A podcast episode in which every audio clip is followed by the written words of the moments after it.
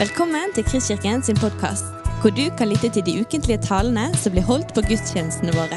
Vi håper denne podkasten vil inspirere og utfordre deg til å kjenne Gud, elske mennesker og tjene vår verden. Jeg takker deg, Jesus. Jeg takker deg for du kom. Jeg takker deg for det underet. Jeg takker deg for din nåde. Og jeg bare ber deg, far, om åpenbaring i dag. Over hvem du er, hva du gjorde, og hvorfor du kom, og at du kom. Åpne våre øyne, Gud, enda mer. Takk for ordet ditt. Åpenbar ordet ditt ved din ånd. Amen. Ja Jeg vet at Messias sitt komme det var forutsagt mange ganger og på mange måter. Allerede i første Mosebok, tredje kapittel, etter at fallet var et faktum, så ble en kommende frelser introdusert, da Gud sa til slangen i vers 15.: Jeg setter fiendskap mellom deg og kvinnen, og mellom din ett og hennes ett. Han skal knuse ditt hode, og du skal knuse hans hæl. Og så følger det mange Messias-profetier utover i Bibelen. Både i de historiske bøkene, i salmene er det mange profetier, og i profetbøkene. Eh, et par av de, eh, I Jesajas 9,2 så står det Det folket som vandrer i mørket, får se et stort lys. Over dem som bor i dødsskyggens dal, stråler lyset frem. Og i vers 6 så står de kjente versene. For et barn er oss født, en sønn er oss gitt. Herredømmet er på hans skulder. Hans navn skal kalles under, rådgiver, mektig Gud, evig far og fredsfyrste. Og i Mika 5,1 så står det Men du, Betlehem, er frata, selv om du er liten til å være blant Judas tusener. Fra deg skal han utgå for meg, han som skal være hersker over Israel. Og det er mange flere. Jeg har hørt at det skal være vel over 300 Messias-profetier i Bibelen. Så På denne tiden når Jesus ble født, så hadde de ventet i mange hundre år. Eh, og da var det jo gått eh, over 400 år, er det vel, siden siste profet hadde stått frem. Eh, og jeg antar at en del var, kanskje hadde gitt litt opp og vente. Og noen ventet. Eh, og de ventet på en mektig frelser, Messias, som var lovet det. Eh, og mange av de som ventet, trodde jo at han skulle komme og befri dem fra romerne. Men Jesu fødsel var ikke sånn som de forventet. For det første så kom han som et hjelpeløst barn. Med det innebærer avhengig Og så blir han født i enkle kår, i en fattig familie. Skulle jo tro at jødenes frelser ble født kanskje i, i kongens hus, eller blant presteskapet. Eh, I en prestefamilie. Men han ble født i en fattig familie. Og selve fødselen til verdens frelser, den var blant dyrene i en stall. Og fødsel ble ikke forkynt inne i byen, som man skulle trodd. Så mange hørte det. Det hadde jo vært mest lurt i våre øyne. Inne i Jerusalem. Eh, og så mange mennesker hørte det. Men det ble født, det ble forkynt av engler ute på marken.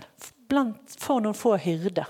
De som var nederst på rangstigen i samfunnet. Men samtidig som det var enkelt og menneskelig sett, veldig enkelt og ynkelig, på en måte, så var det mektig og overnaturlig. Himmelen åpenbarte seg på mange måter. Maria fikk englebesøk. Josef fikk englebesøk. Barnet, som, som, barnet det var unnfanget ved Den hellige ånd. Det står at Maria ikke hadde levd med noen mann. Og det var en engel sammen med en himmelsk hærskare med engler som forkynte at han var født. Det var overnaturlig. Og det var noen som gjenkjente han. For det første Maria, når engelen kom til, til henne. Og hun responderte og sa, Se, jeg er Herrens tjenerinne, la meg skje etter ditt ord. Josef, som først nok ble forskrekket, men som trodde budskapet som, gitt, som ble gitt han når det kom en engel til han i en drøm. Og Elisabeth, mor til Johannes, som allerede selv hadde møtt en engel og var gravid. Når Maria kom på besøk til henne, og barnet hun bar, sprang i mors liv, står det. Hun ble fylt med Den hellige ånd og ropte 'Velsignet er du blant kvinner', og 'velsignet er frukten av ditt mors liv'. Og Etter det så vet vi at Maria brøt ut i en spontan lovsang. Og hyrdene på marken Tenk at det var de som fikk se dette mektige synet. De sprang til stallen og tilba. Og så står det at de gikk vidt omkring og fortalte hva som var sagt dem om dette barnet. Og de skjønte det nok. Og vismennene som hadde fulgt stjernen, og naturlig nok da oppsøkte Slottet i Jerusalem og spurte etter denne kongesønnen. Men etterpå fulgte de stjernen til stallen og de kom til denne enkle stallen, så sto det at de tilba og de ga kostelige gaver. De skjønte at det var født en konge. Simon i tempelet, Simeon. Det står at han var rettferdig og gudfryktig og fylt av Den hellige ånd, og at han ventet på Israels trøst. Og Det kan se ut som at han ikke ventet på en hærfører. Han hadde en dypere forståelse av Messias. Og han sa at nå kan jeg fare herfra i, i fred. Og Anna Fanuels datter, en profetinne, så det står om at hun, ikke forlot tempelet, men hun tjente Gud med faste og bønner natt og dag. Hun forsto det. Jesu liv var heller ikke som forventet. Han vokste opp i enkle kår. Han var sønn av en snekker, enkel snekker, og han kom fra en ubetydelig by. Jeg vet at det ble sagt eh, om Jesus at kan det komme noe godt fra Nasaret? Sannsynligvis så fremsto han som en ganske vanlig gutt når han vokste opp. Men det står òg at han vokste i visdom og velvilje.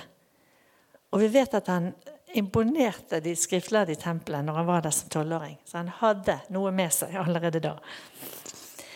Men så sto han jo der frem som 30-åring etter at Johannes hadde gått omkring og forberedt grunnen for han. Og Som hans fødsel så var hans liv òg. Han holdt seg til det lave. Han tjente. Han viste barmhjertighet til de som led nød. I Filippane 2, 6-7 så står det Han som da han var i Guds skikkelse, ikke holdt det for et røvet bytte å være Gud lik, men uttømte seg selv idet han tok en tjeners skikkelse på seg da han kom i menneskers lignelse. Han gjorde ofte det motsatte av det som var forventet av han. Han var annerledes. Han var sammen med folk som ikke var akseptert. Tollere og syndere. Han snakket med kvinner, med samaritanere. Som han som jøde egentlig ikke skulle snakke med. Han la hendene på spedalske, som han ikke hadde lov å være nær. Han refset fariseerne og de skriftlærde for deres hykleri, selv om de var sett opp til og forventet respekt, ble forventet respekt av andre. Men selv om han levde et enkelt liv menneskelig sett, så levde han et overnaturlig liv. Han viste sin guddommelige makt når han gikk her. Han helbredet syke. Han vekket opp døde. Han satt fri, folk fri fra demonisk innflytelse. Han ga mat til tusenvis av mennesker ved hjelp av noen fisk, få fisk og brød. Han stillet stormen. Han gikk på vannet. Han var, han var sant menneske, og han var sann Gud. Og hans gjerninger vitnet om hvem han var, for de som ville se og forstå. Fariseerne og de skriftlærde de kunne profetene, og de burde jo egentlig ha forstått at han var Messias. Men de gjenkjente han ikke. Mange av folket de ble tiltrukket av han. Vi vet de samlet seg, folket stimlet rundt han. Og de fulgte han for en tid. Og det så jo ut som om de òg trodde han var Messias. Vi vet at når han red inn i Jerusalem, så ble han hyllet som Messias. Men De fleste fornektet han og ble tatt til fange. Og de ropte 'korsfest han'. For de ventet jo en som skulle befri dem fra romerne. Og de klarte ikke å se når han ble tatt til fange. Når han sto som han tapte, så klarte de ikke å se at han var Messias. Men det var likevel noen som gjenkjente han da òg. Vi vet om eh, fariseeren Nikodemus som kom til han om natten. Disiplet til Jesus, vi vet at de erkjente at du er den vi venter på. Kvinnene som fulgte han, og de som var der, oss kvinnene som var der etter hans død òg, og flere andre. Og Jesus avsluttet heller ikke livet. Eller han avsluttet òg livet annerledes enn de forventet. Vet at han avsluttet livet på den mest forsmedelige måte, ved å bli korsfestet. Han ble spottet og krenket på det groveste. Og det så jo ut som alt var over, og at alt var tapt. Disiplene som trodde det var noe stort. Alt så ut som det var tapt. Disiplene trodde at slaget var tapt. De forsto jo enda ikke at hans rike var av en annen verden.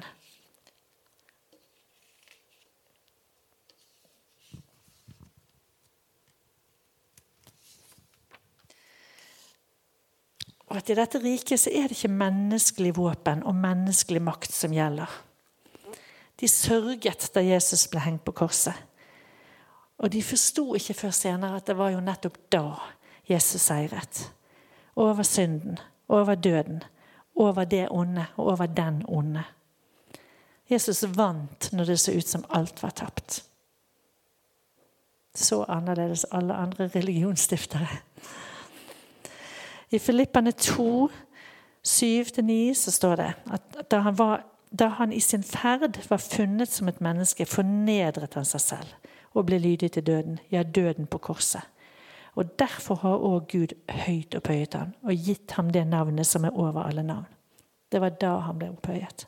Og I Kolossene 2, 14 og 15 står det Han utslettet skyldbrevet mot oss, som var skrevet med bud, det som gikk oss imot. Det tok han bort da han naglet det til korset. Og han avvæpnet maktene og myndighetene og stilte dem åpenlyst til skue da han viste seg som seierherre over dem på korset. All vår synd ble lagt på Jesus på korset. Men selv om det ytre sett så ut som ydmykelse og nederlag, så var det her òg overnaturlige manifestasjoner. Jeg vet at når Jesus døde, så skalv jorden. Klippene revnet. Det ble mørke. Forhenget i tempelet revnet. Det ble sagt at døde sto opp fra gravene og gikk omkring. Og Jesus' grav var tom den tredje dagen. Og etter hvert så vet vi en åpenbarte som viste seg for flere. Mange så bare nederlaget, men det var noen som gjenkjente og trodde. Og trodde at han var stått opp. Et Josef fra Arimathea, som var en rådsherre, og som eh, gikk og ba om Jesu legeme. Soldatene ved graven, som sa sannelig han var Guds sønn. Den ene røveren som hang sammen med Jesus. Kvinnene som kom til den tomme graven. Og så disiplene etter hvert, og andre som han viste seg for. Og etter hvert alle som kom, og mange som kom til tro etter pinsedag. Så som, til avslutning Det var mange som ikke gjenkjente han, og som ikke tok imot han da. Og vi leste i teksten i dag, som Ingeborg leste, annet at lyset skinner i mørket, og mørket forsto det ikke. Han var i verden, og verden ble til ved ham, og verden kjente ham ikke. Han kom til sine egne, og hans egne tok ikke imot ham.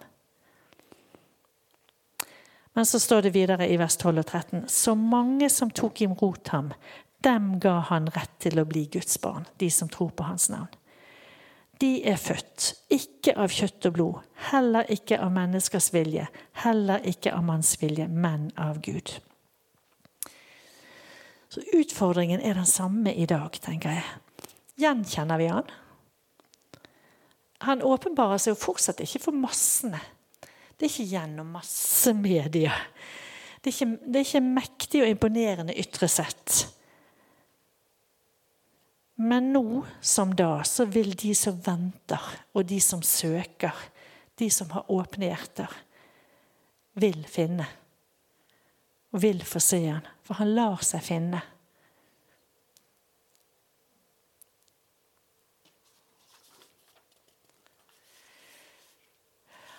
Som han kom den gang til det som ingenting var i seg selv. Det er òg det samme i dag. At vi må erkjenne at vi ikke har noen ting å stille opp med for Gud i oss selv. Vi stiller alle likt innenfor Gud, og ingenting av vårt eget kan frelse oss. Derfor trenger vi Han, og derfor kommer Han. Gud i selv ikledde seg en menneskelig skikkelse og ble som oss, for at vi skulle få del i guddommelig natur. For et bytte. De som tok imot han den gangen, og de som tar imot han i dag, de blir Guds barn. Og de blir født, som vi leste, ikke av kjøtt eller blod, eller av menneskers vilje, men av Gud. Så barnet i krybben og Jesus på korset, det er dette vi feirer og takker for i dag. Og Juls budskap kan jo egentlig oppsummeres i Johannes 3,16. For så høyt har Gud elsket verden at han ga sin sønn, den enbårne, for at hver den som tror på ham, ikke skal gå fortapt, men ha evig liv. For et under, og for et budskap. Så jeg har spurt Merete om hun kan synge den sangen òg, 'En krybbe var vuggen', som òg sier, oppsummerer noe av dette. Du har lyttet til en podkast fra Kristkirken i Bergen. Vi håper du har blitt inspirert og utfordret i din vandring med Gud. Vil du vite mer om oss, så klikk deg inn på kristkirken.no.